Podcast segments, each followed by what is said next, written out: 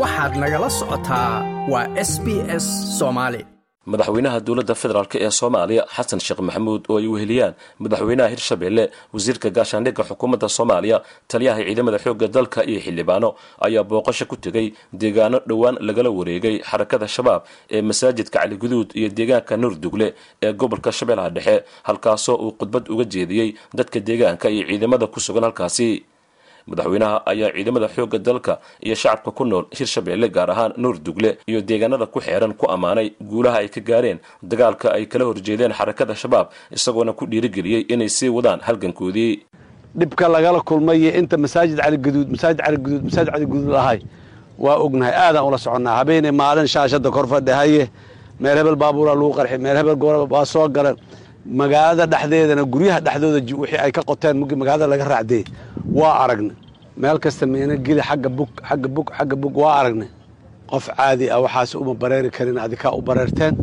Sharafteedii iyo karaamadeedii iyo maanta waa leedihiin soomaalina waa leedahay. Maanta adduunyada soomaaliya waa faanay. Waxay ku faanaysaan waa hawsha aad adikaad qabateen oo dhiiggiinna aad u hurteen saaxiibba aad jeceshihiin kugu fasal ahay kugu training kugu tababar ahay ka tirsanahay ururkaada horintaada kooxdaada unugaaga yaa meeshaan aad ama iyo meelo kale dagaalka nimankan lagula jiro lagu waayey laakiin wax ka qiimo badan oo lagu waayi lahaayo ma jirto. Waa dhimo lahaayeen ma noolaa lahayn. Wakhtigoodii intaas ku ekaay intii dhimatay.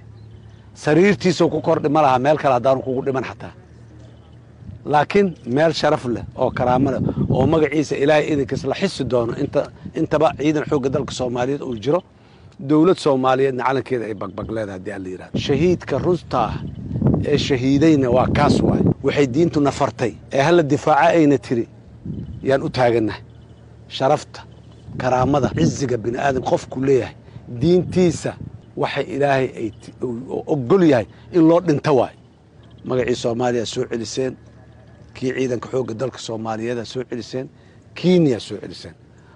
Waana idinkaga mahad celinaynaa malihin waajibkoodii u ahaayee mahad iyo bogaadin iyo waxaad mudantihiin iyo abaalmarin intaba madaxweynaha ayaa tilmaamay in aan la aqbali karin sida uu yidhi in wiil ama gabar soomaaliyeed lagu waayo dagaal aan ahayn midka shabaab isagoona ku booriyey inay sii adkeeyaan islamarkaana ay dadaalkooda sii laba jibaaraan. Waxaana uu dhanka kale hoosta ka xariiqay in dowladdu xilligan aanay awoodin inay dhammaystirto baahida ciidamada.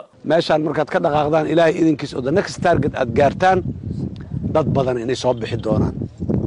Dadkii magaaladan jooga in badanoo ka mida maxay u soo waa cabsi adduunyo un moga hooyo ilma dhashay oo laga yaaba inay geed hoostiisa ama cid kale ay dulsaar ku tahay gurigeedii inay timaado ay ku noolaato waa jeclaa lahayd.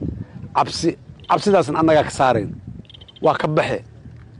Shabaab mugow ka quusto masaajid caligaduud iyo maxaanku idhaahdaye dhulka u dhadhow inuu ku soo noqdo oo la arko. Markuu ka quusto dadkaasina quusti waa ka baxayn rajaa soo gelay waa soo noqonayaan marka dhallinyaro geesiyaashaad tihiin dalkan waa u dhimateen dowladdiinna iyo dad iyo tabarteedu waa yar tahay. Waxaa laga yaabaa qalabkaa u baahneedeen xataa inaad idiin heli karin.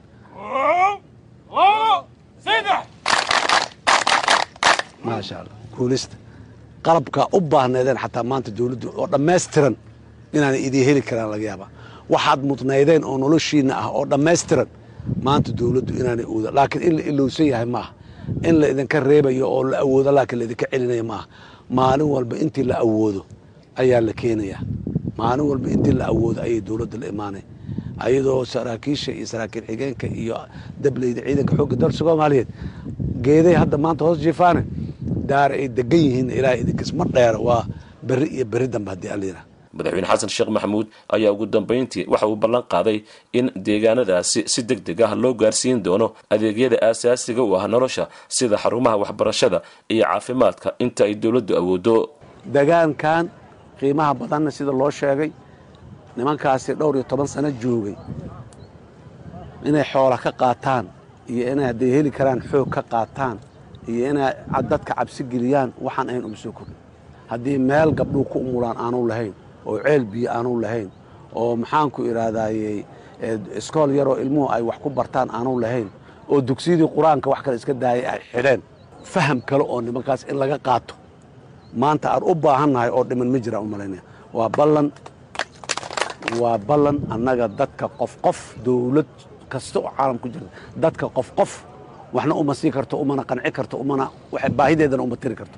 Laakiin waxa jamaaciga oo idinka dhexeeyaan ka shaqaynayna waa ballan ballan ilaahay magaaladan inay ceelna hesho iskoolna hesho. Ha u yaraado hadduu doono. Qol ha ahaado. Ama geedkaas quraca hoostiisa ha ahaadee meel ilmaha wax lagu baro. Bar caafimaado oy gabdhaha ku umulaan oo ilmahana lagu tallaalo inay hesho. Waa ballan. Magaalo kastoo soomaaliyeed oo intaanoo qoys oo soomaali ah ay ku nool yihiinna waa sida magaalada kor markaan soo degaynaan arkayna magaalada magaalo weyn waay. Way mudan tahay intaas inay yeeshaan xasan sheekh maxamuud intuu madaxweyne yahay ilaahay idankiis intaas waad yeelanaysaan. Si kastaba socdaalkan madaxweynaha dowladda federaalk ee soomaaliya xasan sheekh maxamuud uu ku tegey qaybo ka mid ah gobolka shabeellaha dhexe ayaa qayb ka ah safaro uu dhowaan ku gaarayey furimaha dagaalka ee gobollada dalka gaar ahaan halka ay ku sugan yihiin ciidamada xoogga dalka iyo kuwa deegaanka ee macwiisleyda ee dagaalka kala horjeeda xarakada shabaab like aas la wadaag wax ka dheh lana soco barta facebooka ee sb s soomaali